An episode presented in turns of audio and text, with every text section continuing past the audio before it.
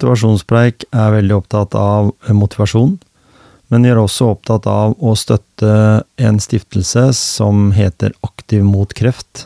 Denne stiftelsen har etablert 21 pusterom rundt omkring i Norge på forskjellige sykehuser, og som vi alle vet, så er trening en viktig faktor for å bli fortere frisk. Trening før, under og etter kreftbehandling er viktig, og for å ha dyktige instruktører, for et godt pusterom i nærheten av der du bor, så eh, velger vi å si at det viktigste du nå må gjøre, er å støtte Aktiv mot kreft. Du kan vippse til 10191, eller du kan gå inn som støttemedlem på aktivmotkreft.no.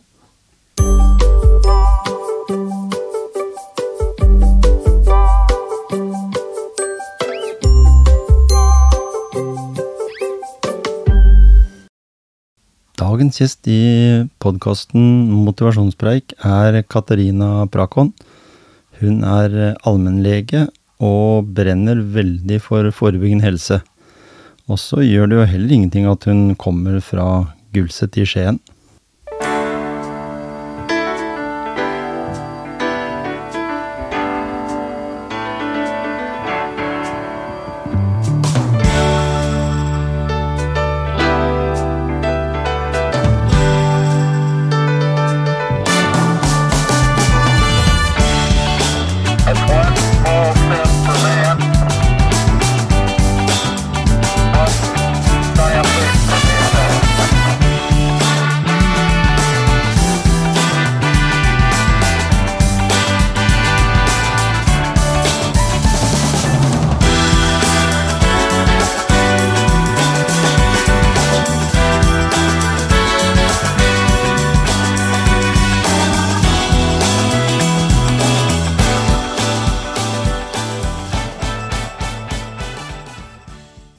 Katarina Prakan, velkommen til motivasjonspreik.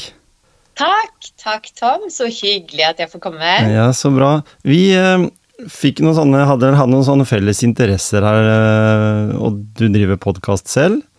Eh, du er lege, og jeg jobber i helsevesenet sjøl, så vi ser jo dette her på, på kroppen, eller vi føler det på kroppen hver dag. Hvordan eh, samfunnet vårt er i dag. Mhm. Og hvordan det står til med folkehelsa, det Ja. svinger veldig. Men eh, som du sier, vi kjenner det på kroppen hver dag. Ikke sant? Fortell litt om bakgrunnen din. Du har kom, vokst opp på et sted rett utenfor Skien sentrum. Den.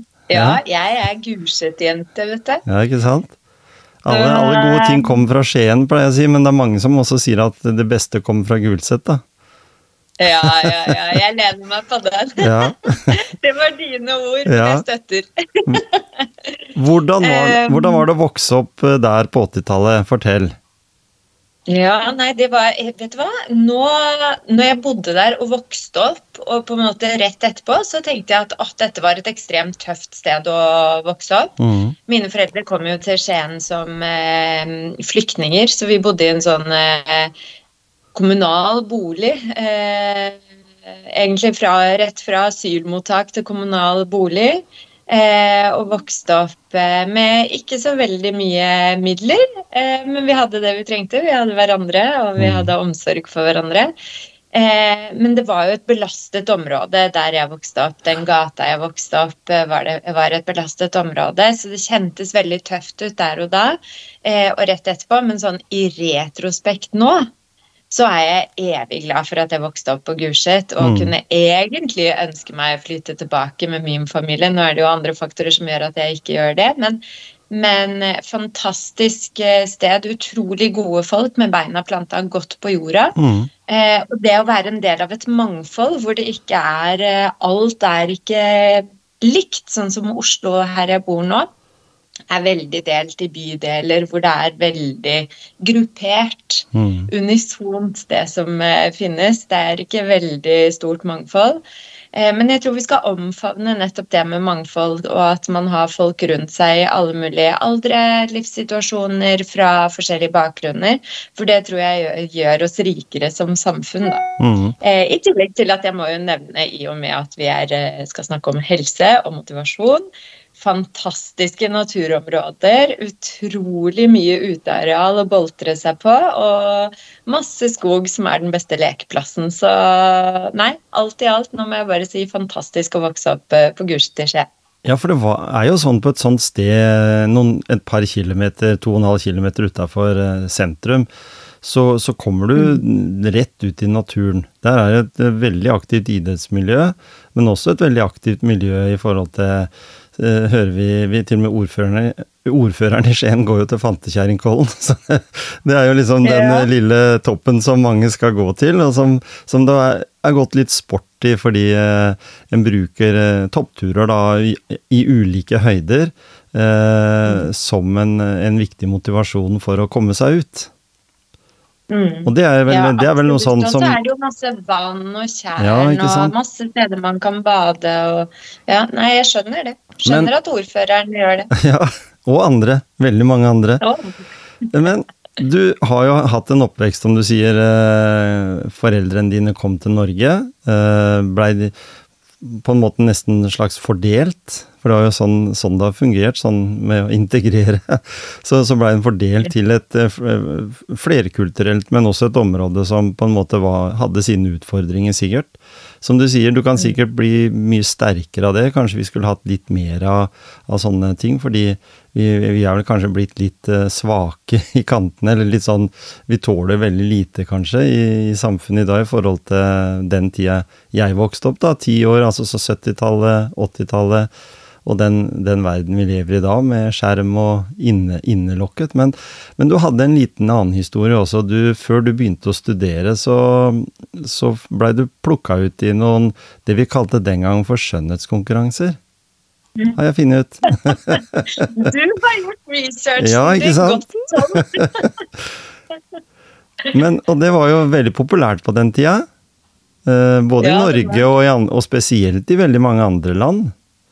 For det var ikke mm. bare det at du gjorde det bra her i var det 2003, men i, når du da begynte å studere i Polen, så blei du også på en måte fanga opp. Var det, var, det, mm. var det, bare for gøy, eller var det liksom uh, dønn seriøst?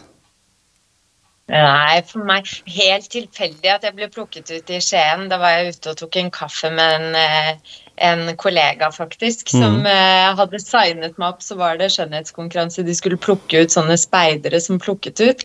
Så hadde han gått bort til de og sagt Dere, se på henne. Mm. Jeg skriver opp hennes navn. Henne må dere bare ta tak i. Og så gjorde de det, og så balla det på seg. Eh, for min del, jeg har alltid vært veldig nysgjerrig på hva egentlig alt livet har å by på, mm. og tenker at man lærer eh, gjennom å treffe folk i ulike settinger og sånt.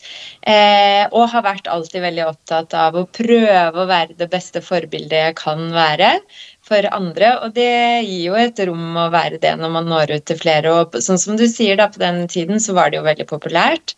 Mm. Eh, så for meg ble det en erfaring i Norge, og så forplantet det seg videre til Polen. Eh, som ga meg mye muligheter til ja, en ekstrainntekt ved siden av studiene, hvor jeg jobbet litt i TV og litt sånne ting. Og det tenker jeg på en måte er en sånn helhet som jeg har mm. tatt med meg tilbake, og er veldig glad for uh, veldig glad for Beklager, det var kaffemaskinen min som skrur seg av. veldig glad for de erfaringene nå. Fordi mm. eh, i arbeid med mennesker, og dette vet sikkert, tenker du sikkert også mye på, Tom, at uh, jeg tror det å komme rett fra en skolebenk og skulle bla opp det man leste om eh, ryggvirvler og bare behandle ryggvirvler, det funker ikke. Men jo mer pondus du har, jo mer livserfaring og jo mer mennesker du har møtt, jo større forståelse får du, får du for at alle opplever ting på sin måte. da. Mm. Så, så, ja, man kan si det man vil om skjønnhetskonkurranser. Jeg vet ikke, og jeg, ikke, jeg håper ikke min datter eh, melder seg på. og Der kommer nok litt fordommer inn. Dessverre var det ikke bare enkelt å stå i det. Jeg opplevde en del ting som eh, var utfordrende for en ung jente i den alderen. Mm. Eh, men det gjorde meg også sterkere, tror jeg, da, håper jeg. Ikke sant. Og, og, det er jo sånn at den blir satt i en sånn situasjon, og vi ser jo damer da som har gjort det veldig bra, Vendela f.eks., eller Mona Gruth og disse her, de sier jo det alle sammen, at, at en må ha en e egen styrke for å kunne stå i det. For du, blir, du møter veldig mange på veien som, som på en måte utnytter deg. Eh, kanskje det har blitt enda mer kynisk i dag, i og med at eh, naturlig skjønnhet er ikke helt naturlig lenger. Fordi en gjør mange ting med kroppen som på en måte skal gjøre den enda, enda bedre eller, eller finere. En, en, en, gjorde ikke så mye av det på 80-tallet, vil jeg tro. Det var mer bare om å gjøre å være den peneste, og så fikk det gå den veien det gikk.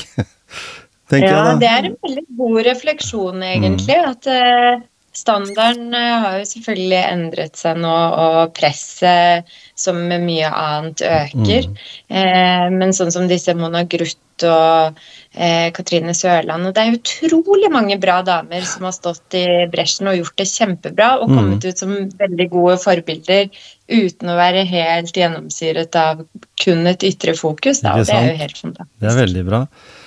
Det er veldig naturlig at vi skulle snakke om uh, vår helse her i dag, siden du uh, har en lang erfaring. Uh, du har en veldig lang CV. Du er en person som er Antageligvis så er du nysgjerrig. er det et betydning, altså et ord som betyr noe for deg, det å være nysgjerrig i, i faget ditt? Vet du hva, det gjennomsyrer faget mitt. Mm. Hver dag, hver time, hver konsultasjon. Mm. Eh, hver gang det kommer inn en pasient inn til meg, så tenker jeg eh, Så er jeg nysgjerrig på hvem dette mennesket er. Mm. Hvordan deres opplevelser er, hva, hvordan deres helse er, og hvorfor den helsen er som den er. ikke sant? Mm. Det er en lang kaskade eh, man må gjennom. Eh, og så tenker jeg også litt sånn fra et egoistisk perspektiv eh, Hva kan du lære meg? Hva kan jeg ta med videre og bringe videre til neste pasienter? Eh, og det tror jeg er en sunn holdning, sånn i stedet for å tenke at man har all verden, sånn som du sier. Nå har jeg sittet på et legekontor i 15 år. Det er kanskje ikke veldig lenge, men lenge nok til at jeg på en måte kunne med lukkede øyne behandla en halsbetennelse mm. og sånne ting. Men, eh, men, eh, men, den nysgjerrigheten, den gjennomsyrer absolutt alt hver dag. Mm. Og, og, når vi snakker om det, så har vi det med erfaring. Fordi eh, det å være lege da, det er jo heftig. Jeg jobber jo med flere som, som er ganske unge leger eh, på sykehuset. Eh, også noen mm. som er ganske rutinerte og holdt på i mange år, men de unge legene, sånn jeg tenker at det må være utrolig eh, vanskelig å hele tida skulle gjøre den rette Eller gjøre de rette valgene for andre. Fordi vi er litt mm. Jeg har jo inntrykk av på de åra jeg har jobba i helse, da, i 15 år, at uh, vi har litt lettere for å stille oss i den køen for å få, få svar på om det er noe gærent med meg. Ja. Hvis du skjønner hva jeg mener? At, vi, at den derre terskelen for det å gå til Jeg hørte på en podkast du hadde med kollegaen din som, på, som liksom snakka litt om dette her med Ja, dere hadde faktisk ikke fått noen gjest i studio, det var noe sykdom. Og da snakka ja. dere nettopp om denne her med og, og det terskelen for å komme da til legen. Eh, er to timer, eh, tre timer, fire timer med migrene eller hodepine nok til at du skal ta den turen og reise på legevakta lage en lengre kø, eh, og så står kanskje en tre-fire meter bak deg som er i en mye mer alvorlig situasjon. Jeg vet ikke. Det er min oppfatning. Jeg vet at du også er involvert nemlig i legevaktsordningen, eh, som er en sånn tjeneste midt imellom eh, kommune og spesialhelsetjenesten, på en måte. Ja, jeg har stått i legevakt i veldig mange år, og de mm. siste årene og gjennom pandemien så jeg, var jeg fagansvarlig på en av uh, Oslos største legevakter. Uh, som var en ekstremt lærerik reise.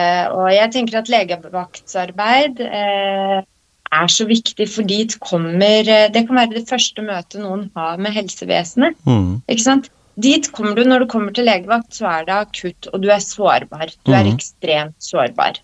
Eh, måten du kommuniserer på, alt blir farget av at du er bekymret og sårbar. Kanskje mm. bekymret for barnet ditt, kanskje bekymret for egen helse eller for din eldre mor. Eh, og det å kunne se forbi en bekymring som kan virke eh, med en som har fagkompetanse i mange år og vet at akkurat den ryggsmerten eller den røde tåa, det er ikke noe farlig. Men å akseptere det som et reelt problem for de som kommer, og møte de på det nivået de er, og gi en god tilbakemelding og en trygghet, Mhm. tror jeg på en måte er minst like viktig som å skrive ut en resept på tabletter. da. Nemlig. Eh, og når du bare, Jeg har bare lyst til å nevne også en historie, for du eh, spurte om eh, Eller var innom dette med erfaring, nysgjerrighet og Mhm. erfaring. Eh, hvor jeg plutselig kom på Jeg jobbet på sykehus helt, helt tidlig i karrieren min. Og hvordan det er å være ung lege rett fra skolebenken, og Mm. nettopp det å skulle stå i andres reelle problemer og hjelpe de. Eh, så jeg, hadde jeg en pasient som var eh, alvorlig lungesyk. Som lå tilkoblet en eh, pustemaskin i 18 timer i døgnet eller noe sånt. Nei, mer 20 timer i døgnet, tror jeg. Og så var det to ganger to timer som det var uten. Det var det eneste lungene klarte å fungere. Mhm. Eh, også, og vi alle vet jo at eh, en god lungefunksjon trenger frisk luft, bevegelse osv., men det vedkommende prioriterte å gjøre de to timene ute av eh, maskinen og lenket til sengen, eh, var å trille ut og røyke. Ja, ikke sant. Utenfor eh, inngangen til sykehuset. Mm. Og så ble jeg så provosert, for det var jo så mye Jeg vet ikke om jeg kan si at jeg ble provosert, jeg håper ikke det blir misforstått, men det, det vekket i hvert fall en sånn Jeg skjønte ikke hvordan kan man prioritere det, og vedkommende hadde en stor familie som selvfølgelig var kjempebekymret for at noe skulle skje, og at det skulle gå dårlig, og vi jobbet på spreng inne på sykehuset for å gi de beste medisinene og for å holde vedkommende i live, og allikevel så gikk vedkommende ned og tok seg tre-fire sigg i løpet av to timer og rullet opp med rullestol tilbake til å bli lenket til denne pustemaskinen. Mhm. Og så måtte jeg bare spørre, jeg gikk og irriterte meg grønn, måtte jeg bare spørre, men i alle dager vet du ikke at det du driver med svekker deg ytterligere? Det er jo ikke bra for lungene dine. Er, hvordan kan du bruke den lille tiden du har på dette? mm. eh, når du er så alvorlig syk. Eh, og da fikk jeg meg en liten vekker, for eh, pasienten svarte meg da at vet du hva, eh, så sent i livet, og dette var jo selvfølgelig en eldre pasient, så er dette den gleden jeg har. Mm. Jeg ligger der med den maskinen og gleder meg til jeg kan rulle ut og sette meg ned og ta en røyk. Mm. Eh, jeg har fått barn, jeg har fått barnebarn, jeg har gjort mitt. Dette er det som gjenstår igjen i mitt liv, som er min glede. Mhm. Og der lærte jeg meg en veldig veldig stor liksom, ydmykhet. Nettopp det å møte folk på det nivået de er. For Mm. deres glede, deres eh, på en måte livskvalitet kan ikke jeg definere. Jeg kan legge til rette for at de skal få best mulig helse, og jeg kan hjelpe folk som ønsker det, men jeg skal i hvert fall ikke sitte og dømme. Eh, og da Med den ydmykheten på ryggen, så tror jeg nok at det har gjort eh, at min legekarriere har vært mye bedre enn den kunne ha blitt hvis ikke jeg fikk den leksen så tidlig. Mm. Ja, for du har jo sagt det at eh, det å tilby profesjonell behandling eh, er det viktigste, men, og en god oppfølging, men det aller viktigste er jo å se mennesket da, som du har foran deg der. Og nettopp den Mm. episoden som du sa der, var vi faktisk borti med i forhold til en kollega av meg, vi, som vi var på samme måten. Vi var en, en person med utenlandsk opprinnelse som var kommet til Norge fordi vi har jo måttet ta imot eh, mennesker nå som har, ikke har det så bra. Eh, som kanskje lever en litt annen kultur i forhold til både alkohol og, og tobakk. Eh, Og der også var det tilsvarende sånn. Vi gjorde alt den pleie vi kunne for at den personen skulle ha det så bra den kunne ha det. Og så var, var det sånn at det, det minste øyeblikket de var i stand til å komme seg i en rullestol, så var det ute og ta en røyk. Og det var liksom helst to ganger i timen. Uh, Ja. Mens vi da jobba på spreng for å få den personen frisk. Så det er noe med det som du sier der i forhold til uh, at kanskje jobben må gjøres mye tidligere. Kanskje jobben Mm. må gjøres når man, vi er Kanskje vi må spole helt tilbake til barnehagen, tenker jeg. Og tenke det, de nye generasjonene som vokser opp nå, at de må få en, på en måte en, en god veiledning i forhold til hva som er bra for livet ditt og ikke. For det gir konsekvenser. Jeg vil bare si en ting. Jeg jobber jo på nevrologisk avdeling. Vi har jo mange som på en måte får eh, blødninger i, hodet eller slag, og som får da en svekka motorikk, og taleevnen blir borte. Mange av de er jo unge mennesker. Det, det er synd å si det, men fra 35-årsalderen og oppover får de sånne ting, og det er jo av den livsstilen en har. Men så kommer det til det at når du da har sett døden i øynene, for det har du jo, og du ser hvor, hvor mye fysioterapi og oppfølging av personell på, på sykehuset gjør at du får en rask framgang, så møter du de menneskene, og når jeg snakker om det, så får jeg sånn ståpels på armene, for du møter de gående ute, og du tenker at de der har aldri gjort det i hele sitt liv, fordi det er ingen som har fortalt de at det er en fordel. De får kanskje skippa gymtimen på skolen, eller, eller satt bare i sandkassa i barnehagen istedenfor å være med og klatre i trærne, liksom. Vi er jo forskjellig konstruert, men det er veldig mange av de som jeg tenker av barn og ungdom som vokser opp i dag, da, som får veldig lite utfordringer til nettopp å få det skrubbsåret på kne, eller prøve å klatre til toppen i den bjørka, liksom. Eh, som vi Ja, alle vet er veldig bra. Mm. Ja, absolutt, og i det er jeg så enig i. Og det er så bra vinkling det du sier der. Fordi vi lærer på skolen at er sunn Alle vet at sunn mat og bevegelse er bra. Mm. Men vi får ikke de riktige verktøyene til å håndtere det i den verden vi lever i nå, med Nei. enda større fristelser som sofa og skjerm og lek inne osv. Mm. Eh, og så lever vi et liv eh, Vi lærer oss også hvor effektive, hvordan vi kan bli mer effektive. Det lærer vi på skolebenken, det lærer vi første årene i yrkeslivet. Men vi lærer ikke hvordan vi kan slappe av og roe ned. Nei. Eh, så det også er på en måte en viktig, en veldig viktig eh, Jeg tror å ta med seg inn i hva vi formidler til våre unge, og det med hvilken treningshistorie du har, har Mm. setter jo standarden veldig for hvordan livet ditt blir senere. Det er det det gjør. Når du vokste opp på Gulset, da var vi inne på det her i stad. Da var det jo fotballgruppe der, og det var svømmehall, og det var eh, Der kunne du klatre i trær, og du kunne løpe på grusbanen, og du kunne gå på skøyter om vinteren. Det var liksom alt. Samme som jeg, da, som vokste opp på Hjemsø. Vi også hadde jo liksom bare alt det bare en kilometer unna med sykkel, så, så forflytta du deg jo mye raskere. Og jeg er jo sånn sy sykloman, ja, da jeg elsker å sykle og finne ut at alt innenfor en mils omkrets, det kan jeg fint uh, gjøre. Og det er definitivt helt gratis trening.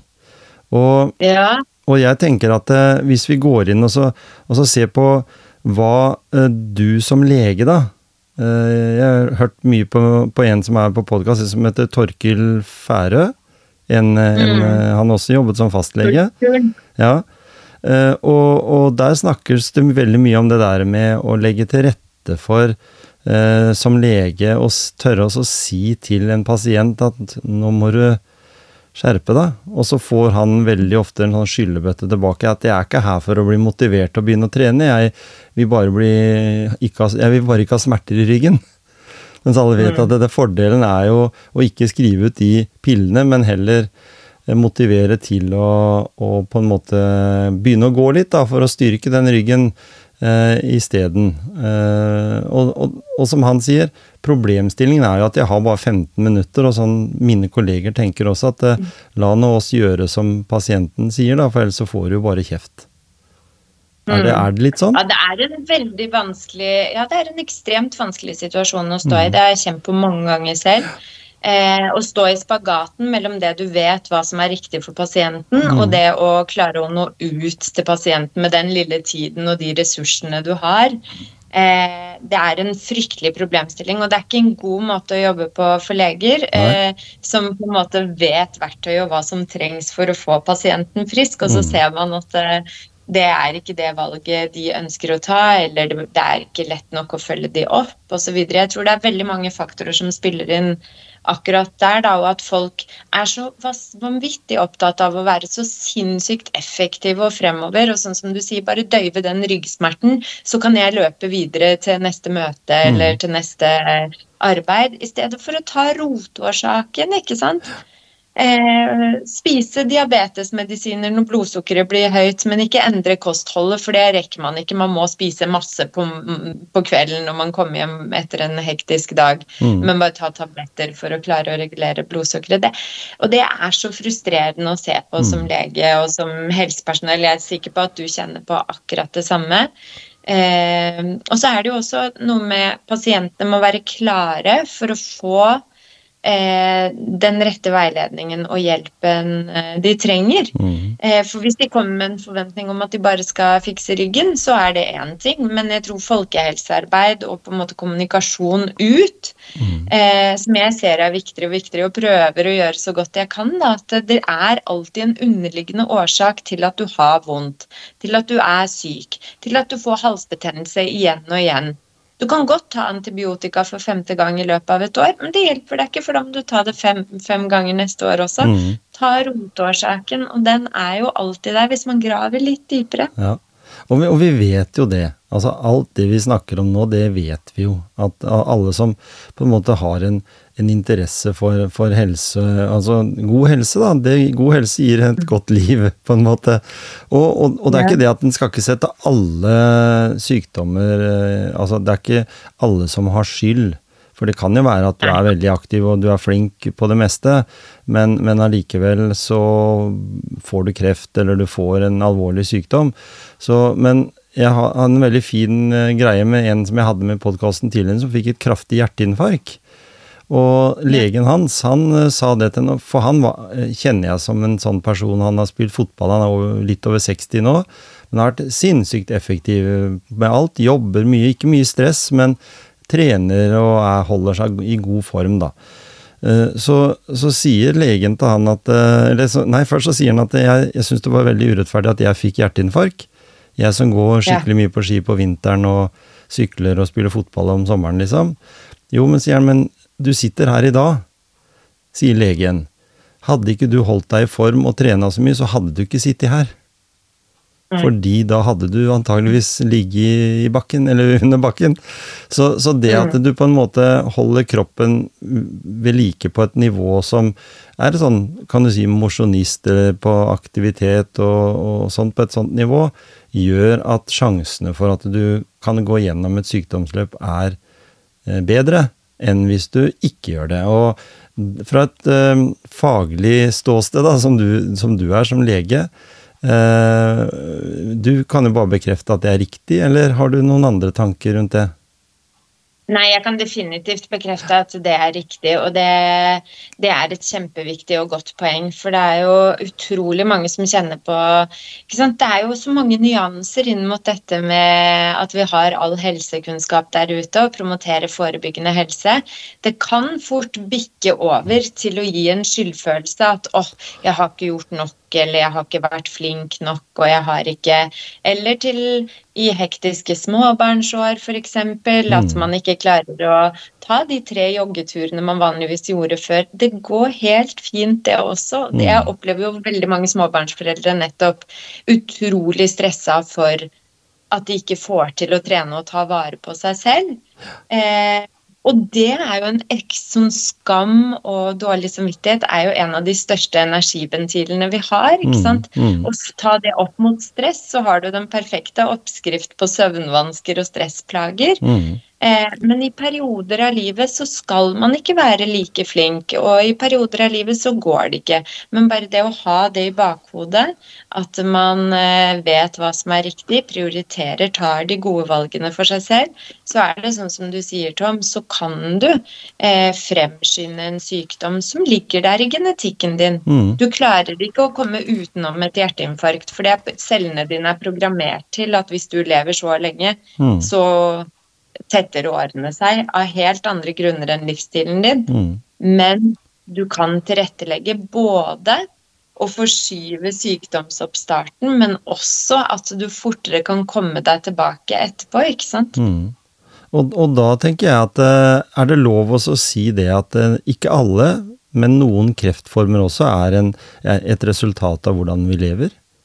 For det har jo Ja, vært en veldig stor økning, eksempler. ikke sant?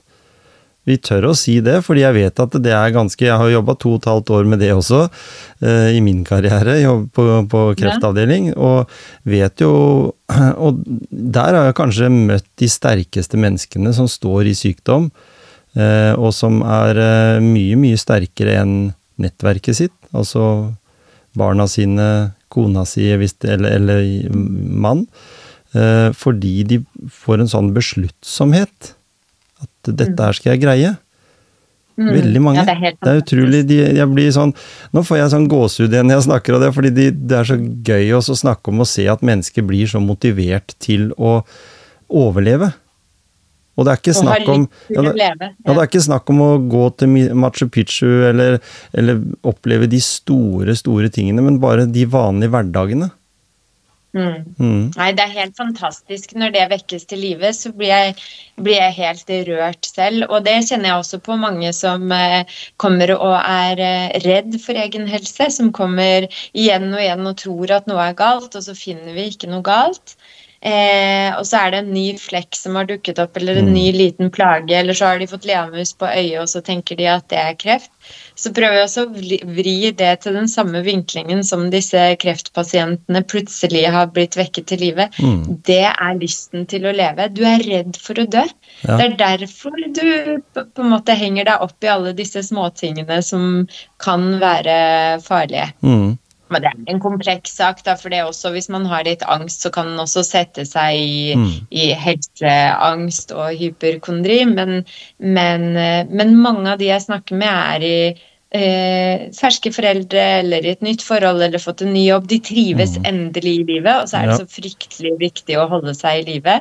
Men tilbake til dette med kreft eh, generelt, er jo eh, er jo også en sammensatt ting hvor hva du gjør vil gi deg kreft. Hvis du røyker, så har du en økt sjanse for å få lungekreft. Hvis du drikker mye alkohol, så er det også kreftformer som er relatert til det. Og hvis du er overvektig, så elsker jo Så har du mange flere celler i kroppen din, mange flere celler som kan mutere og bli syke og gi deg kreft.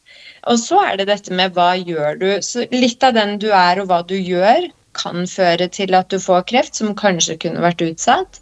Eh, men så er det jo også litt med, og det syns jeg er kjempespennende, kommet eh, en del forskning på kosthold f.eks. opp Mm. mot kreftpasienter. Hvor viktig det er å ikke mate kreften til å vokse ytterligere. Mm. Og her har jeg ikke helt detaljene, og det er mye forskning som fortsatt pågår. Mm. Men bl.a. sukker og sånne ting elsker jo kreftceller, og da eh, da har de det veldig fint. Mens hvis man kutter ned og spiser sunnere og fiber og sånne ting, så kan man faktisk eh, begrense vekst og sånne ting, er det noen studier som heter. Mm. Og da, da syns jeg det er veldig rart at ikke du som lege skal ha mulighet til å skrive ut en, resept, en grønn resept på, på frukt og grønt. For, fordi vi, Ja. vi ser jo det da at uh, veldig mange pga. den situasjonen veldig mange har kommet opp i, velger produkter Mm. som First Price, ultraprosessert mat og osv. Så videre, sånne ting som en vet nå etter god, for, god og nøye, nøye forskning er skadene, skadene for, for, for kroppen vår over lang tid. Da. Altså, det er ikke sånn umiddelbart at hvis du jukser én gang med å stå i køen på McDonald's og kjøpe deg en burger, så, er, eh, så har sjansene gått, liksom. Men, men, men allikevel så man må prøve også å få tilgang til de varene som gir deg en høyest livskvalitet. Da. Og det Mm, er veldig rart at ikke det tas mer på alvor.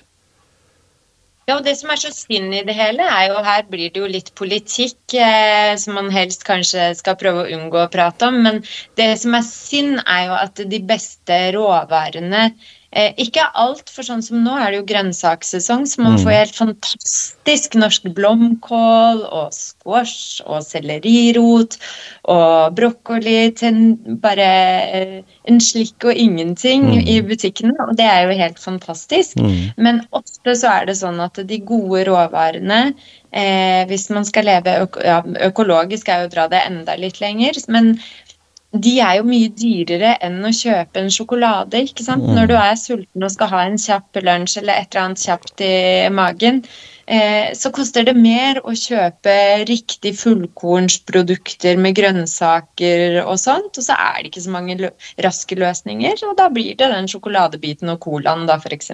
Mm. Så det er jo litt hvordan samfunnet er bygget opp òg. Mm.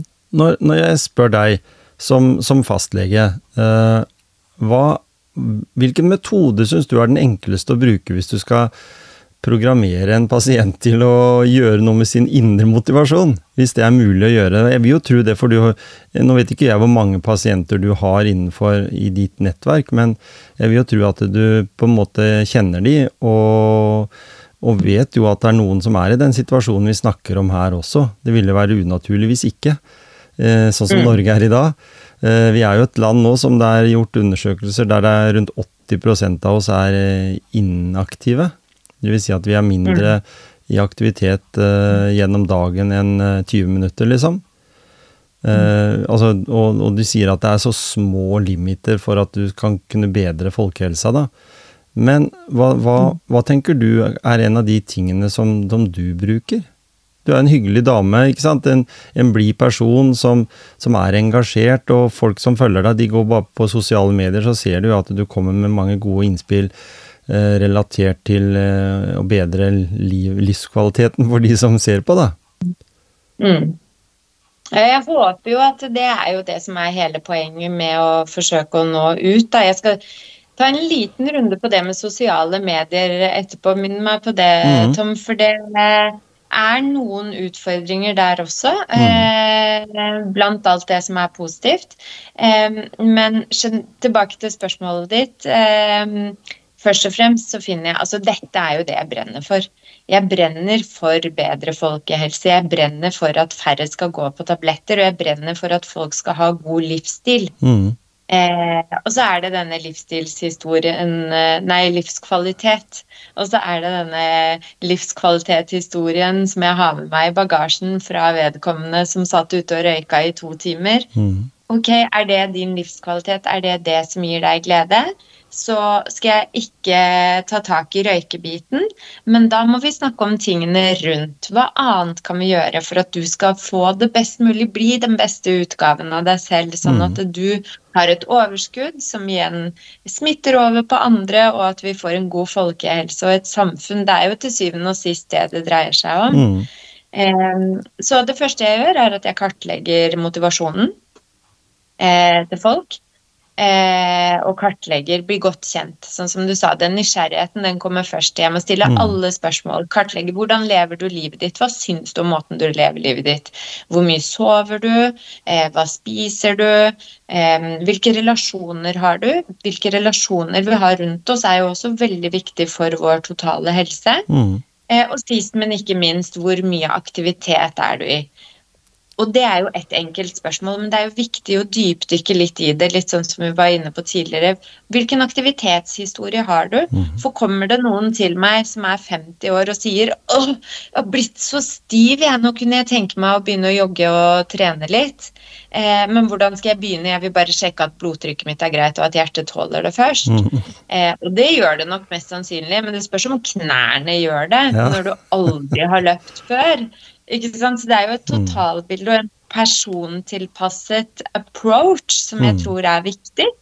Eh, og så er det jo noen som slår ut dårlig på søvn, eller så er det andre som slår ut dårlig på andre ting. Så må man også prioritere det som er det den verste synderen på en måte for vedkommende, i stedet for å ta alt samtidig, for det tror jeg kan være demotiverende. Det er jo lange liv ofte som er eh, levd, alt fra 30, 40, 50, 70 år, og vaner som virkelig er innarbeida i oss Mm. som ikke er så lett å stu, men med bitte små grep og god oppfølging, det har jeg også veldig troa på, at man møtes regelmessig bare for en liten status. Og så gir jeg ofte hjemmelekser til pasientene mine. Da skriver jeg på et ark en sånn skikkelig gammeldags lege. Har jeg et eh, penn og papir, Mm. sånn som dette. Og så skriver jeg tre punkter, tre hjemmelekser, og så gir jeg det til pasienten. Håndskrevet som bare det, med styggeste skriften du kan tenke deg. Men uh, jeg sørger for at de skjønner hva som står der. Ja? Eh, og at vi har kommet til en enighet, og at det er lekser i hverdagen. Mm. Og så kommer du tilbake, så finner vi nye måter å jobbe på. Det, det syns jeg var en veldig god ordning, og, og, og i tillegg til at du da går inn i det som jeg kaller for den analoge hverdagen, som veldig mange av de har vokst opp med.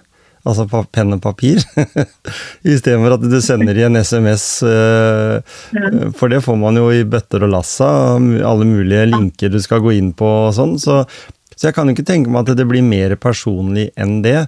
Men hvordan, hvordan kan du si at eh, oppfølgingen fra de er, da, med de tre punktene, blir det fulgt opp? Altså tar de det til seg? Mhm. Ja. Jeg opplever det. Jeg Ja. opplever at folk eh, som er motivert, og som kjenner For det, du kjenner ofte endringer, kanskje ikke etter én dag eller to dager, men du kjenner det ganske raskt. Mm. Og så er det jo noe med det Når går man til legen? Man går jo ikke til legen før man har en plage. Nei, ikke sant? Nei. Ofte. Eh, så da kommer de, og så er de enten Og dette er jo veldig interessant, da, og kunne sikkert hatt ti episoder om det, Tom, Mhm. hvorfor det er sånn. Men det jeg opplever på de 15 årene jeg har jobbet, er at eh, for 15 år siden så var kanskje 80% av pasientene som kom med noe fysisk, et vondt kne, et sår, en føflekk som skulle fjernes, eh, halsvondt, hoste. Eh, og 20% var litt eh, ymse andre ting, hvor eh, psykisk helse var en del av det, selvfølgelig. Eh, mens nå føler jeg at det har snudd. Ja. Nå er det 80% pasienter med stresslidelser, psykiske belastning, akutte belastningslidelser, søvnproblemer, depresjoner, angst. Bare overbelastningslidelser, som jeg liker å kalle det, mm. eh, som kommer. Og så er det 20 kanskje med en vond hals eller et eller annet annet som er vanlig legearbeid. Mhm. Og der tror jeg også at eh, alle leger har Vi kan jo litt om det, men det er så nytt. Det samfunnet vi lever med, alt det presset og alt det vi står i, mm. er så nytt. Eh, og spesielt nå etter pandemien, hvor eh, vi måtte vri helt om på hverdagene våre. Mm. Alle var veldig tilgjengelige på mail, sosiale medier, Teams, alle mulige apper for å holde kontakten. Og så har vi egentlig dratt med oss den tilgjengeligheten, alle appene, alt det digitale, inn i verden som var før. Og det er jo to ulike 100 verdener Mhm. på en måte som krever 100% av deg, begge to på sett og vis. Da. Mhm.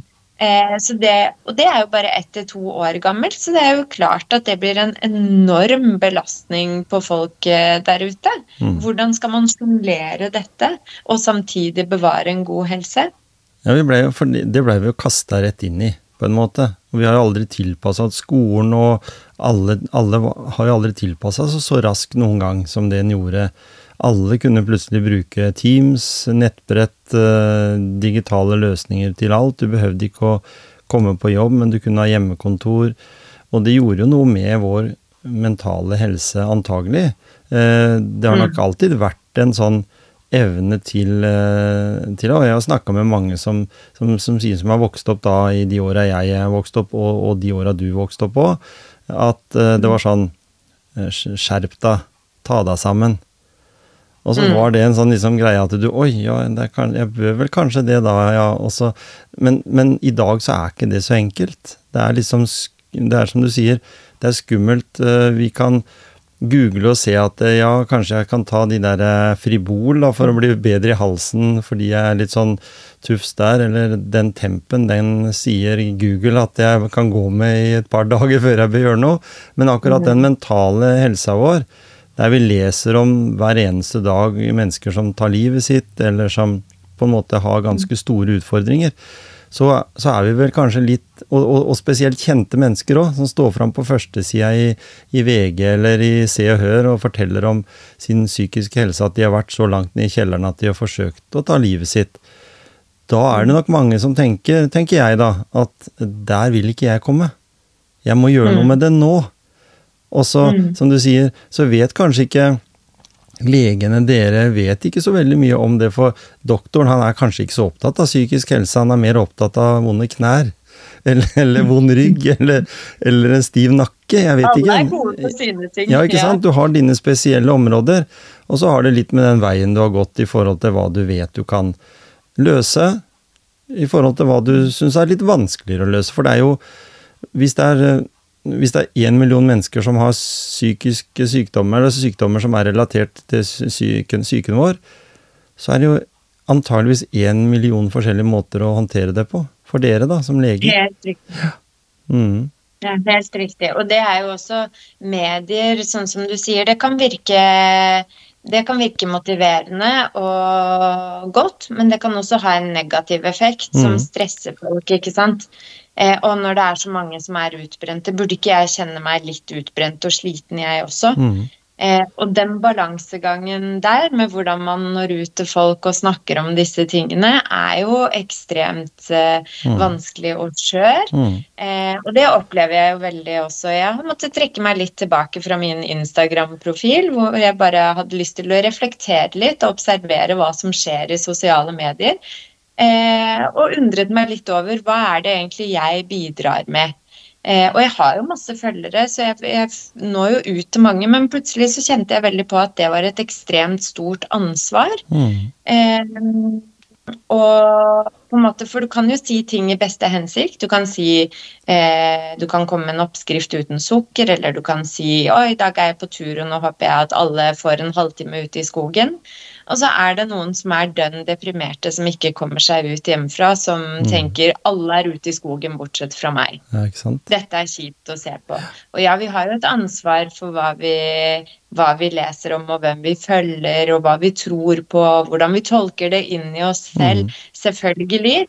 Men, eh, men eh, dette må bevege seg inn Altså, jeg har u- utgangspunktet tenkt at sosiale medier og media, kronikker og sånt, har vært en veldig god måte å nå ut til flere på enn bare de jeg møter på legekontoret. Eh, og har bare positive erfaringer med det. Men jeg vil at alle på en måte skal tenke seg litt om. Hvem følger jeg? Mm. Er denne kontoen her god for meg? Motiverer det meg i riktig retning? Eh, og huske på at det alltid er to sider av en sak. Så Mm. alle de superblide selfiene Det er alt Altså, folk, alle har sitt, da. Mm. Og, og der er jeg jo enig med deg i Jeg, jeg har jo snakka med veldig mange mennesker eh, gjennom podkasten og på an, andre arenaer. Eh, og det er faktisk mange mennesker som er sånn, da. Eh, noen er sånn skikkelig på hele tida. Masse energi. De er positive. De har kanskje greid å knekke den koden i forhold til sunn stress, hvis det er mulig å si noe. Men altså, de har greid å finne elementer som gjør at livet deres er verdt å leve. Men så har du jo da andre igjen som, som på en måte da eh, misunner de. Så det er en slags sånn misunnelse. Hva er det de har gjort for å få det perfekte livet? For, for i dag så er det jo ikke bare vår egen eh, fysiske og psykiske helse som vi gjerne vil fortelle om, men det er også hvordan vi bor. Eh, Hvordan nabolaget vi bor i, hvor, hvordan bil vi kjører og hvor stor hytte vi har. Så det er mange elementer som på en måte påvirker de tinga der, istedenfor at den bare sier at jeg jeg blir veldig imponert over mennesker som sier at nei, jeg er ikke opptatt av hytte, og bilen den får bare den går, liksom, dit jeg skal. Eh, og sånn, og ikke har liksom den derre det jaget etter det. Og jeg har tenkt mange ganger på det at der må vi kanskje gå inn allerede i skole og barnehage og fortelle hva som betyr noe i livet. Og så får jo de som ønsker det, bruke pengene sine på fin bil da, fordi de er opptatt av det, eller stor hytte eller noe sånt, men, men da er grunnlaget som er lagt.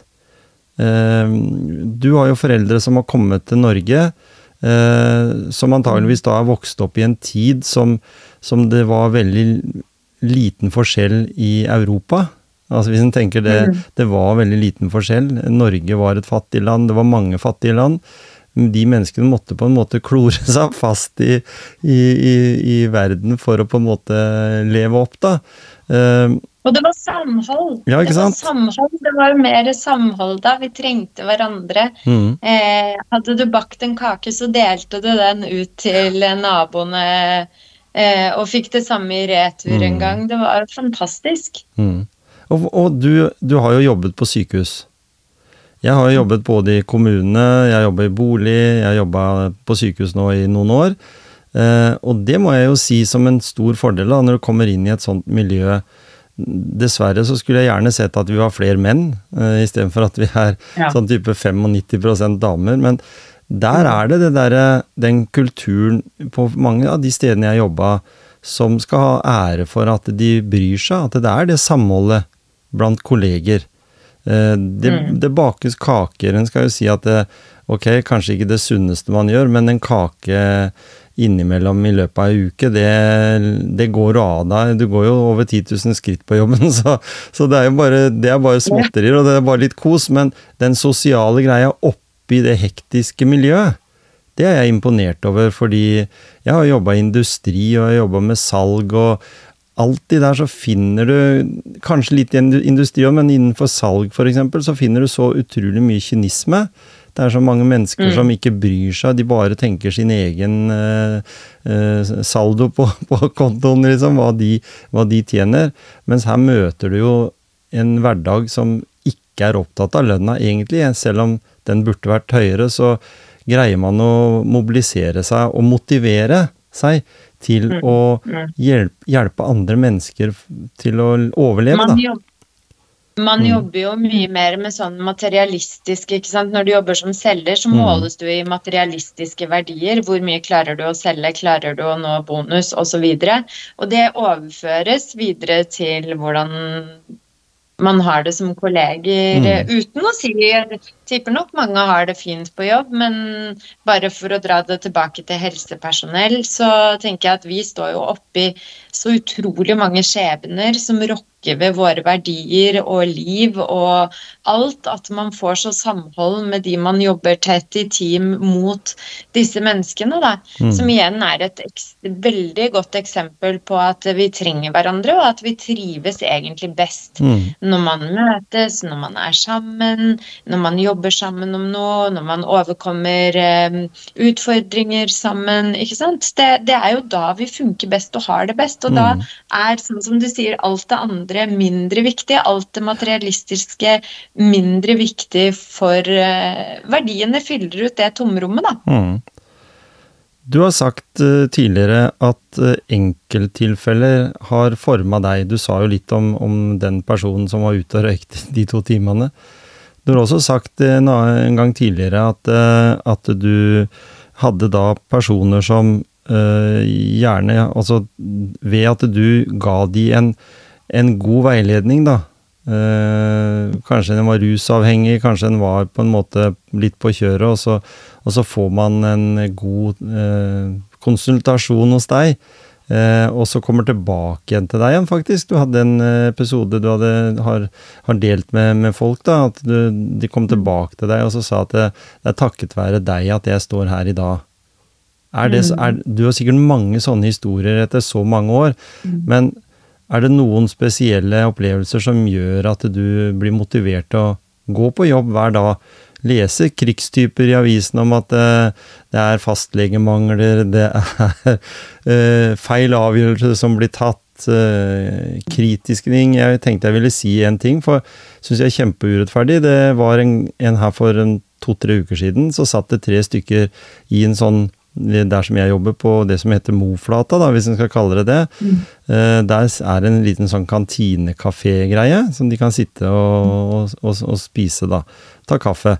Og da satt det altså tre stykker. Alle sammen var de som sto veldig ofte ute og røykte og eh, jeg er fælt å stigmatisere, men de stemmer sikkert Fremskrittspartiet òg. Nå nå blir noen sure på meg, da, for jeg kjenner jo flere i, det partiet òg. Men, men allikevel, da, de, de, er sånn opptatt av de sånne helt sånne tullete ting.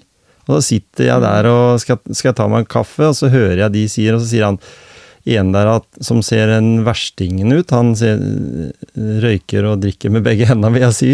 Uh, mm. Du ser liksom litt typen. Og så sier han at dette er tredje gangen jeg er inne her på sykehuset, og de legene de greier faen ikke å finne ut av noen ting. Ja. Så jeg er veldig lyst til å gå bort og så pirke på skuldra og si at uh, Kanskje du burde slutte med den røyken, og heller gå tur sammen med de to andre her rundt bygget, enn å bare sitte her og klage over at ikke legene greier å finne ut hva som er problemet. For kanskje er problemet nettopp det at du gjør de tinga der. Ja, og det, du har jo et veldig godt poeng der. Altså. Det, er, eh, det er ikke alltid vi har et svar. Nei? Det er ikke alltid vi har en behandling. Og nå løftes jo kvinnehelse veldig opp og Mhm. frem, og alle disse stakkars unge jentene som har gått med ekstreme smerter i magen, endometriose som ikke er Mm. diagnostisert, eller ADHD, eller i snitt tar det jo fryktelig lang tid for en kvinne å få riktig diagnose, og veien Mm. opp mot det er jo ekstremt tøff. Den Mm. er veldig skam, skamfull og eh, gir mindreverdighetsfølelse og forplanter seg utover resten av livet, eh, som blir hengende i, da. Mm. Eh, og når vi til syvende og sist finner en diagnose, så er det jo hallelujastemning og helt fantastisk. Men det å få en diagnose krever jo at de går og tar 100 kamper frem og tilbake for å bli sett og hørt, ikke sant? Men så er det ikke alle som selv etter masse kamper eh, finner en diagnose. Det kan være komplekse ting som henger sammen som gjør at man har vondt. Og så har man ikke en helt klar årsak til det.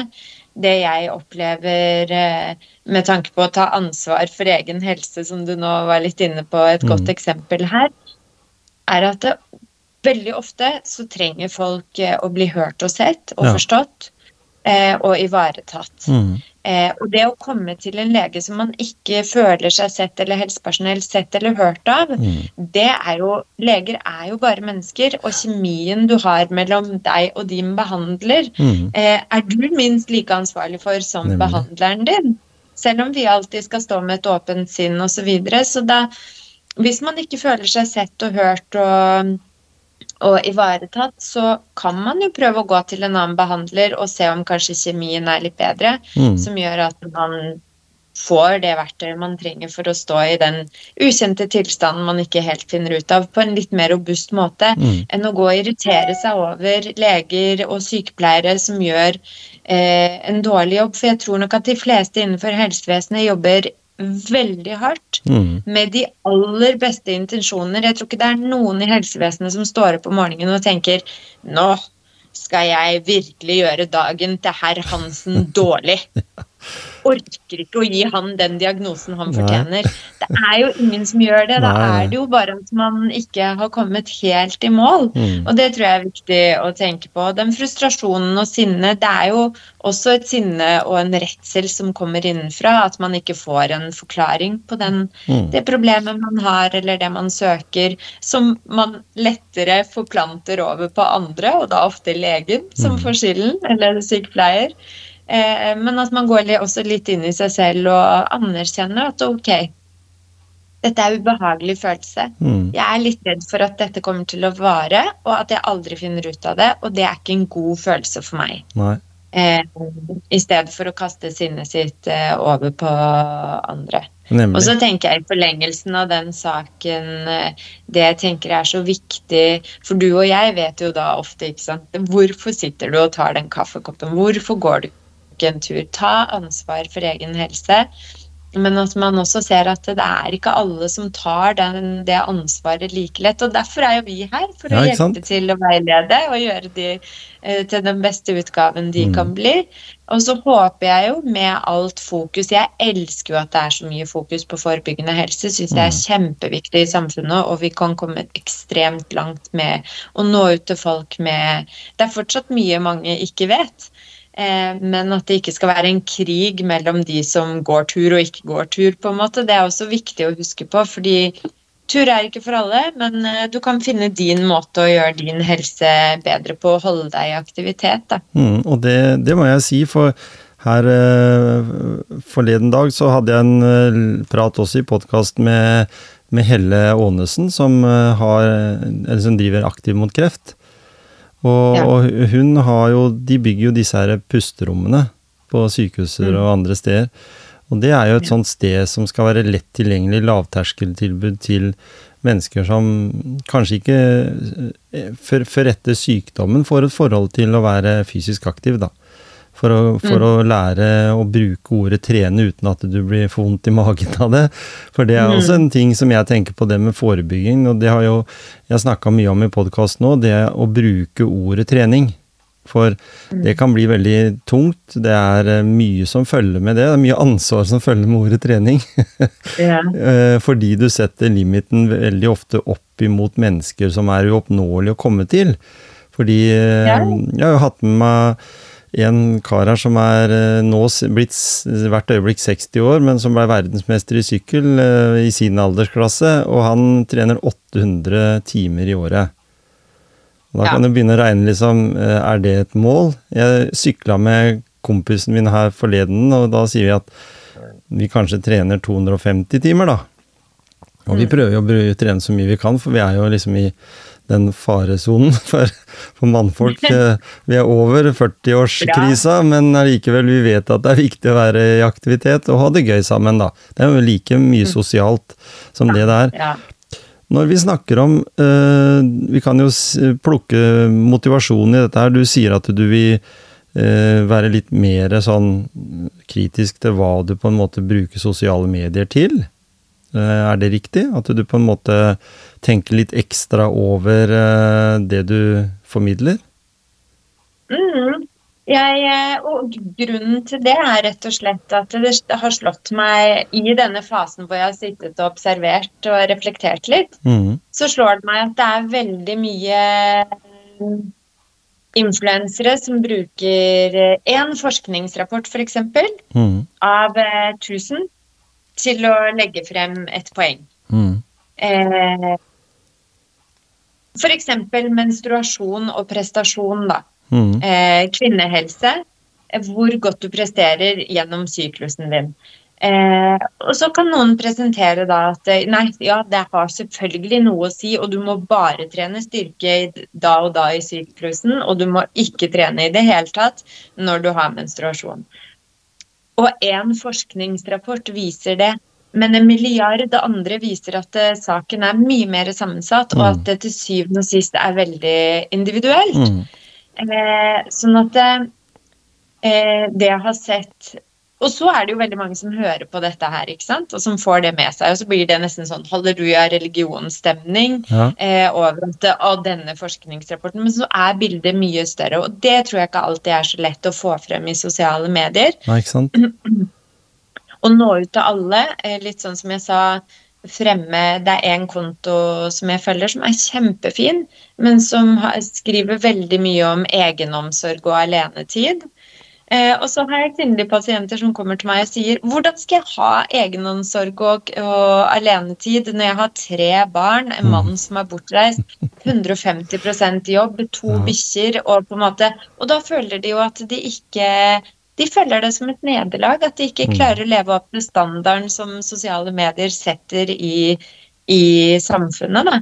Så for meg så er det egentlig mest viktig å minne om de små tingene. Hvor viktig samhold er, hvor viktig relasjoner er. Eh, det som på en måte bare kan motivere oss til å gjøre de gode, små endringene. Mm. I stedet for å pålegge at det bør du gjøre for å bli frisk, eller dette bør du gjøre for å holde deg sunn. Da. Ja, ikke sant? Og, men der er du inne på en vesentlig ting for min, altså sånn som jeg tenker på, dette her med det å kommunisere i et forhold, da. Eh, Mm. Dette med at mannen jobber 150 eh, Jeg har vært der sjøl, så jeg vet hvordan det var i min eh, i, i 20-åra når du skulle etablere deg i jobbsammenheng. Jeg har ikke kommet noe lenger ved å ofre så mye tid på jobben den gangen i dag. Eh, men jeg har lært mye, da. Det, det har en gjort. Men, men allikevel så tenker jeg Kan du si noe om det? Hvis det har jeg rett hvis jeg sier at det, det å ikke kunne rekke å få til å trene, da, eh, aleine Jeg treffer så mange damer som er ute og løper med barnevogn. Og tenker at eh, hvorfor kunne ikke mannen heller tatt den barnevogna, og så kunne du fått lov å løpe aleine med noen propper i øra eller et eller annet, eller høre bare fuglekvitter, for den saks skyld. Eh, men da har du Kjempespennende. ja, ikke sant? men da har du den der lille greia der med at nei, men han mannen min, han er på det møtet, eller han måtte gjøre litt ekstra jobb og sånt noe. Da tenker jeg, jeg har vært sammen med samme dama i over 40 år, og vi er, tror jeg, er veldig flinke til å snakke om nettopp det nå, da, når vi har blitt litt voksnere spesielt, og når vi har barnebarn på besøk, så må vi liksom sette av den tida til det, for det er jo viktig. Og rette på de feila som vi gjorde sjøl når, vi- når vi hadde små barn sjøl.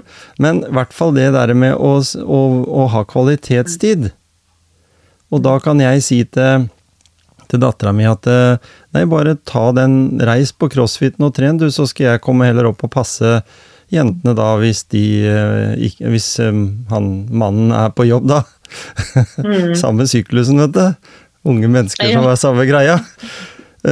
For nå har jeg muligheten, og så tenker jeg bestandig over at dette her skulle vi vært enda flinkere til når vi sjøl sto Mm. i den situasjonen, da. Ja, vet du hva? Og det her er jo et kjempestort og så viktig tema. Og Mm. bare applaus til deg med din rause holdning nå. For det er jo nettopp det. Hva er det som gir deg glede, da? Mm. Jo, at du kan gi datteren din eh, mulighet til å ta vare på seg selv. Ja. Det er jo den fineste gaven man kan gi noen. Mm. Eh, og sånn som jeg personlig, jeg må jo si at jeg Min aller største glede er når mine foreldre tar vare på seg selv. Mm. Eh, de kommer jo fra en helt annen generasjon. De har det ikke så inne med å gå turer eller være fysisk aktive eller sånne ting. Til min store fortvilelse, da, for jeg elsker det jo og skulle ønske vi kunne gjøre det mer sammen. Altså, de er ute, men de har nok ikke de har nok en annen standard enn meg, Mm. men det som gleder meg mest, er hvis jeg klarer å overbevise de om å bli med på en tur, eller om å gjøre noe godt for seg selv. Det er jo den beste gaven jeg kan gi de, Mm. føler jeg. Mm. Og inn i relasjoner, og ulike faser av relasjoner, så er det jo akkurat det du sier der, eh, Tom, at det er fryktelig, fryktelig vanskelig. Alle får hver sin rolle. Mm. Mannen jobber, dama er hjemme med babyen, eh, ting koker, man har ikke tid, og det er ikke så lett å være raus og se litt utover det man egentlig bare står og koker med der og da, og si, vet du hva, jeg vet at du trenger, og at du får en bedre dag av å gå og ta en halvtime nå. Eh, vær så god, gjør det. Mm. Så tar jeg det her. Eh, for det bare Det ender opp med å eh, bli mye frustrasjon, og energi, så er det alltid en som sitter igjen med mer energi på slutten av dagen. Eh, som skaper frustrasjon hos den som sitter igjen med mer energi, for den har jo lyst til å få trent eller gjort et eller annet. Mm. Mens det, eller er frustrert fordi de får for lite oppmerksomhet. Og så er det den som er sliten, som har dratt lasset, som tenker i alle dager hvordan kan du ha overskudd til å tenke på dette. Men jeg tror clouet inn er jo sånn som du har knekt koden på nå, Tom. Både med din kone og med familien. At det, det å være raus med hverandre og tilby tid Mm. i den verden vi lever i nå, det tror jeg er superviktig. Det er viktigere enn de største gavene, det du kjøper for, eh, på, på, på alt mulig av butikker. Og, men jeg har lyst til mot slutten å snakke Du har eh, noe som heter Doktordamen. Ja. Der snakker, og, og også en podkast, det må vi jo si noe om. For du har en podkast som snakker mye om kvinnehelse og underliv, og altså de, som, de tinga som har vært veldig tabubelagt, i, ikke bare i det norske samfunn, men sånn generelt. Eh, eh, og så tenkte jeg at du har lyst Betyr det mye for deg å få den her responsen ute? For du får sikkert mange tilbakemeldinger om at, eh, at mange takker deg for det. Blant annet så har du sånne videoer om å drikke mer vann, ikke sant? Det, det har også vært eh, Og det er jo sånne ting jeg også tenker på mange ganger, fordi en har jo vokst opp med det at eh, drikk når du er tørst.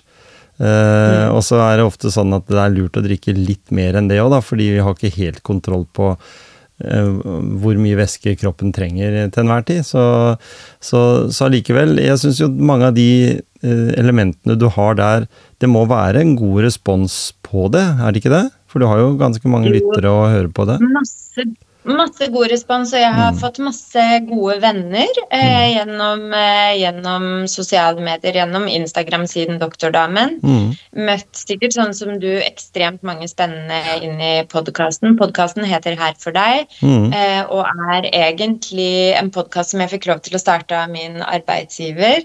Eh, hvor jeg snakker med fagpersoner om Mm. ulike eh, bare tilstander, bare for å nettopp bryte det ned fra eh, kanskje folk som ikke vet hva de snakker om, Mm. ufaglærte på nett, til å bare få harde fakta. Mm. Ok, hvorfor har du vondt i tissen? Hva kan årsakene være til det? Mm. Eh, eller eh, PCOS, hvis du har polycystiske ovarier som kvinne. Hvorfor er du overvektig? Det er faktisk ganske vanlig. Mm. Eh, og da må man ta tak i det. Eh, så det jeg brenner for jo, eh, gjennom den podkasten, er jo å spre helsekunnskaper, for jeg tror det gir trygghet. Mm. Eh, og respons det er ikke Nei, ikke min. Hovedmotivatoren er det å kunne gjøre litt sånn komplisert eh, medisinsk eh, kunnskap Mm. enklere for eh, alle å forstå, Mm. sånn at man kan ta bedre vare på sin helse. Men tilbakemeldingene kommer, og jeg setter jo ekstremt pris på de. Eh, og jeg er veldig glad for at jeg nå er en kan jo nesten kalle meg en godt voksen kvinne, selv om jeg føler meg ikke sånn. Men jeg er jo det. mm. Og, og jeg, Eh, Ja, det er jeg enig med deg i. Altså det som, som vi sa når jeg starta opp eh, motivasjonspreik, da, var at hvis vi kan få én person opp av sofaen, så er vi Ja. kjempehappy, liksom. En, en, en, vi er ikke ute etter 10 000, men vi vet jo at folk blir påvirka av hverandre. Så hvis den ene Ja. gjør det, så gjør den andre det, og så plutselig så er det kanskje en sånn greie, da. Jeg har lyst til å Ja. høre med deg Det har jo kommet fram nå ting eh, i forhold til damer og ADHD.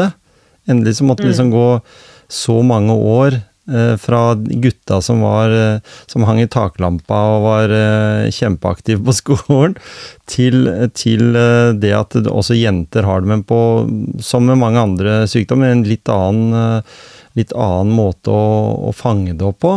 Jeg har jo en datter sjøl som, som i dag lever veldig godt med en ADHD-diagnose, hun har jo garantert sikkert arva den fra meg.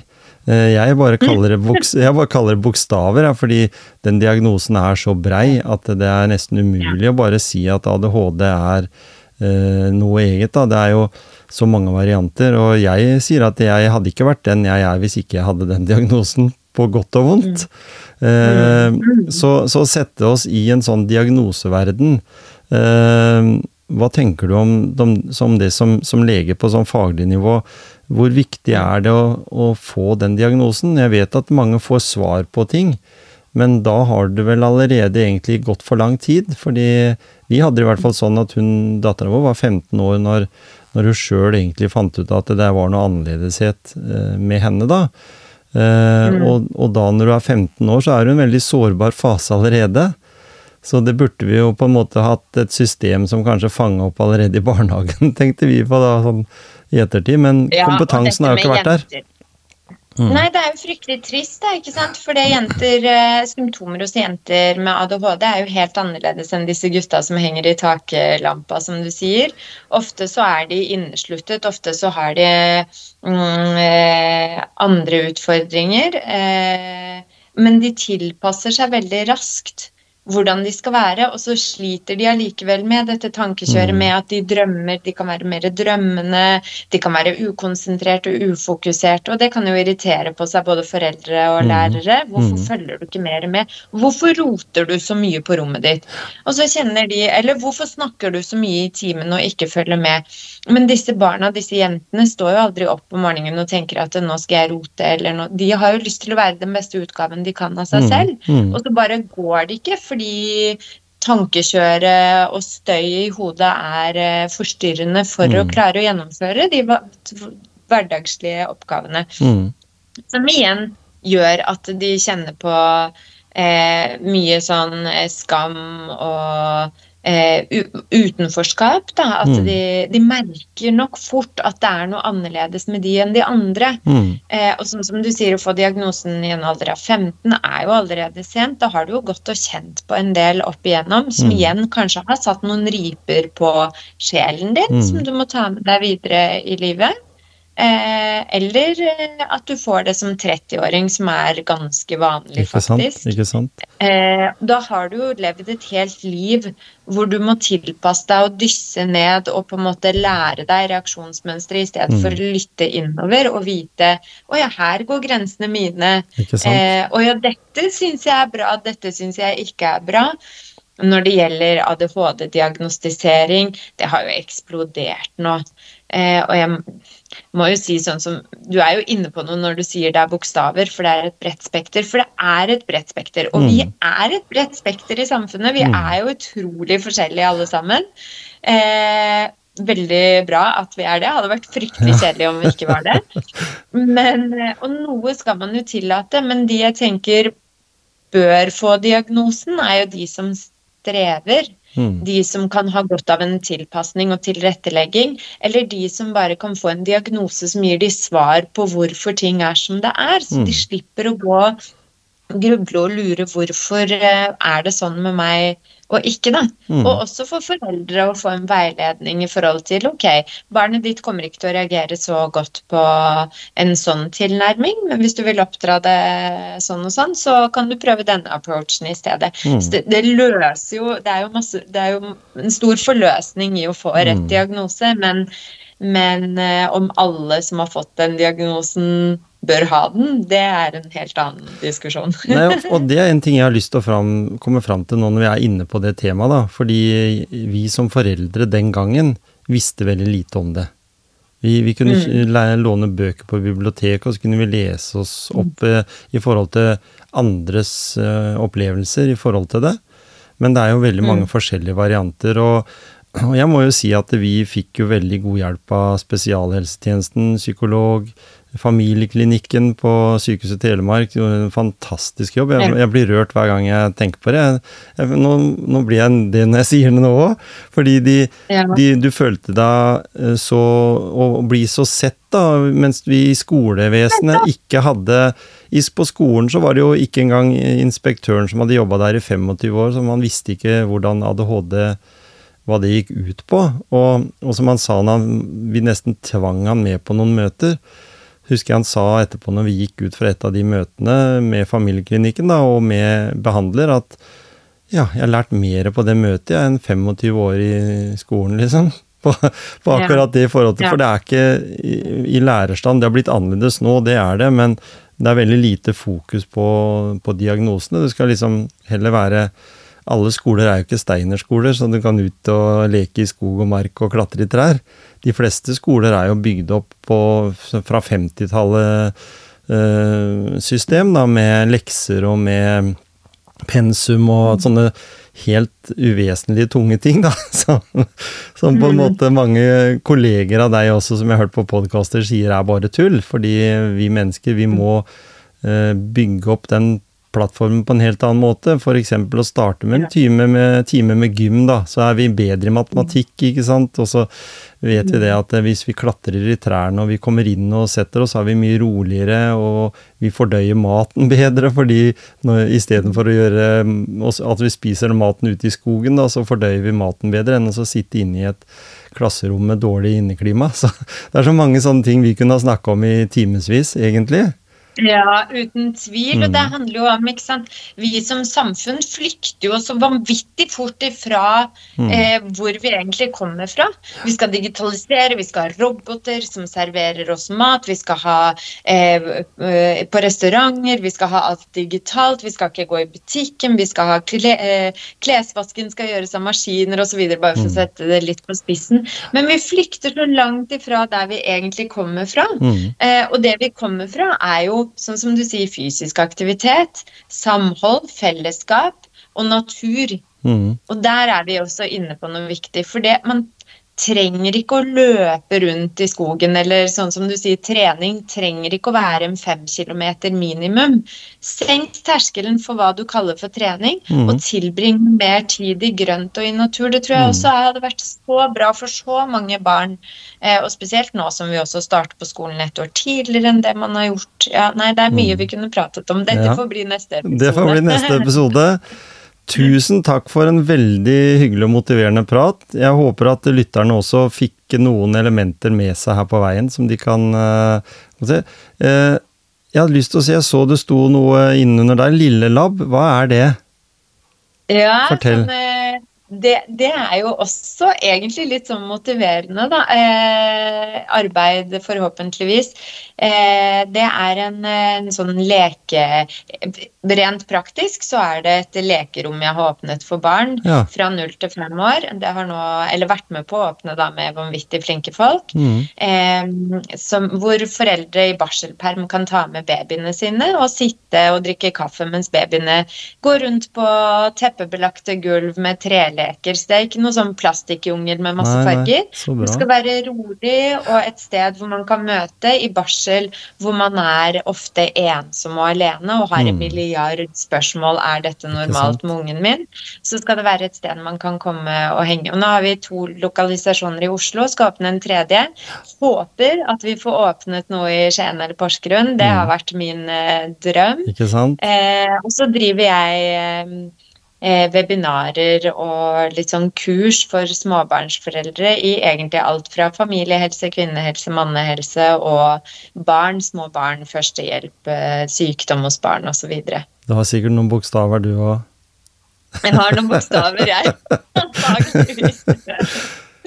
Veldig hyggelig å prate med deg. Det gjelder å få det beste Ja, ut av livet og prøve litt av hvert. Altså. Og det å kunne bruke seg selv i Ja. å hjelpe andre er jo det aller fineste, synes jeg, da. Og så får du den, grunn, den kompetansen der også til å bare se effekten av, av det å få Det er liksom Det er egentlig litt sånn barne... Altså eh, småbarnsforeldre og barna sine, sitt pusterom, da, akkurat som en har pusterommet som, som, som er etablert. Et sånt fristed med lavterskel som en har muligheten til å finne. Så definitivt så må dette komme til Skien og Grenland. Grenland er jo på en måte området som har smelta sammen. To byer som har smelta sammen, og her må en definitivt få, få rom for noe sånt.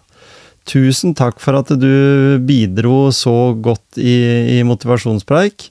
Lykke til med videre engasjement. Lykke til med ditt videre engasjement, ja. Og så, så, så sier vi at vi helt sikkert kommer til å følge opp noen av de elementene her en annen gang som du har litt ledig tid.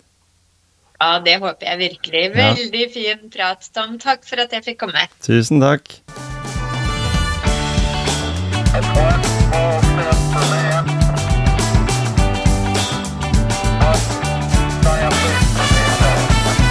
Og da var en eh, episode over for denne gang. Ny episode i Motivasjonspreik kommer om en uke, så tune in!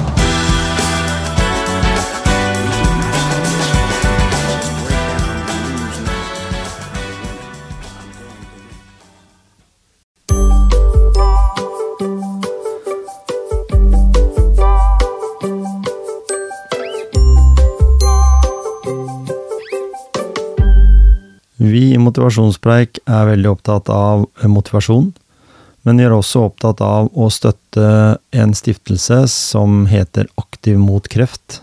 Denne stiftelsen har etablert 21 pusterom rundt omkring i Norge på forskjellige sykehuser, og som vi alle vet, så er trening en viktig faktor for å bli fortere frisk. Trening før, under og etter kreftbehandling er viktig, og for å ha dyktige instruktører, for å ha et godt pusterom i nærheten av der du bor, så eh, velger vi å si at det viktigste du nå må gjøre, er å støtte Aktiv mot kreft. Du kan vippse til 10191, eller du kan gå inn som støttemedlem på aktivmotkreft.no.